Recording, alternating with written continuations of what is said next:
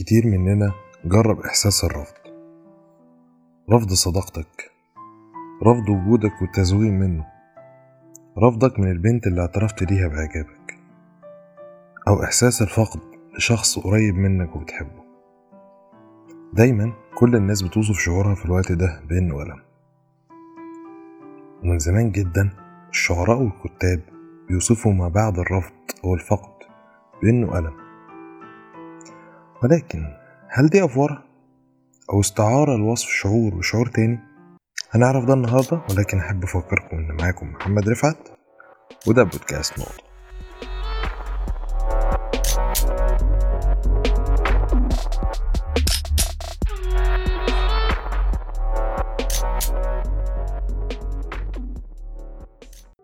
في دراسة اتعملت على مجموعة من المتطوعين المتطوع بيلعب لعبة على الكمبيوتر مع شخصين تانيين بس أونلاين. اللعبة بسيطة. كل واحد عنده قرار إنه يرمي الكورة لأي شخص من الاتنين اللي معاه والشخص التاني بيرجع الكورة للي يختاره وهكذا. الحقيقة بقى إن المتطوع كان بيلعب ضد لاعبين افتراضيين تم برمجتهم إنهم بعد مدة من الزمن ما يرموش الكورة للمتطوع ده خالص. النتيجة إن المتطوع ده وقتها كان بيحس بالرفض. كان دماغه بيتحفز فيه نفس أماكن الألم العضوي. يعني لما بيتم رفضك بتحس بألم حقيقي بس مصدره مشاعر في عقلك بس. طيب إيه سبب ده؟ في نظريات كتير لتفسير رغبة الإنسان في وجود ناس حواليه وكرهه للعزلة والرفض. منها إن الإنسان زمان قبل الحضارات أيام ما كنا بنصطاد ونلم فاكهة. كان مهم لبقاء الشخص أصلا إنه يكون مع مجموعة تدافع عنه وتساعده على الحياة الفكرة إن مش بس علشان نفسيتنا ده لاحظوا إن مرضى السرطان اللي بيخضعوا لعلاج كيميائي كان أعراض العلاج ده المؤلمة بتبقى أخف عند الناس اللي معاهم مرافقين عن الناس اللي بتتعالج لوحدها.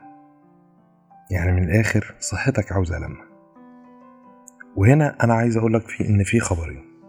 خبر حلو وخبر وحش. الخبر الوحش إن الانفصال أو الرفض أو الفقد مؤلم جدا. وإنه إلى الآن محدش لقى طريقة إننا نسكن الألم ده. الخبر الحلو إن ده مؤقت. لأنه مع الوقت امتنانك للحياة ورضاك عنها هيبقى أعلى. على الرغم من إنك محسنتش حياتك بالشكل اللي يوافق الإحساس ده. وده تفسير ليه الشباب أكثر تعاسة لأن الأطفال لسه معداش عليهم مواقف مؤلمة وعندهم المستقبل بطوله. وكبار السن عدوا بمواقف الفقد والانفصال كتير جدا. فعندهم رصيد كافي من الخبرات إنهم يعرفوا إن مفيش شيء بيستمر.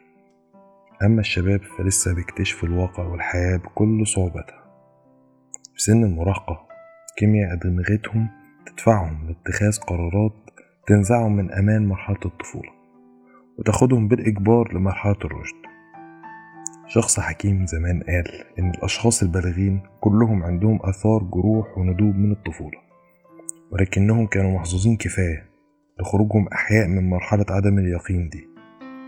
لو أنت مش مصدقني فاخرج للعالم وبص ليه من المنظور ده. بص لأهلك وإخواتك الكبار. للأغراب اللي بتشوفهم في الشارع. بص ليهم وتخيل إنه في مرحلة من مراحل حياتهم مشوا في نفس الطرق اللي مشيت فيها وعدوا على المدارس اللي اتعلمت فيها وحصلت حواليهم نفس الأحداث اللي حصلت حواليك. هما كمان شعروا بالوحدة بشكل لا يطاق والعجز المطلق والظلام اللي بيعيشه الشباب. إحنا بنميل لوصف أثار الجروح النفسية والصدمات والمواقف الصعبة بإنها شيء سيء وقبيح. لأنها أشياء عاوزين نخبيها وننساها لكنها عمرها ما هتختفي. وأنا بسجل الحلقة دي وعارف إني مريت بكتير من الأحاسيس السيئة ولسه همر وهتألم. فهمت إن كل المواقف وآثار الجروح النفسية دي مش علامة على عيب فيك دي علامة لتكوينك أنت وبس. علامة إنك إنسان قدرت تقاوم وتقف على رجليك تتحدى العالم تاني. أتمنى ليكم كل السعادة والقوة علشان نقف في وش الحياة. كان معاكم محمد رفعت. سلام.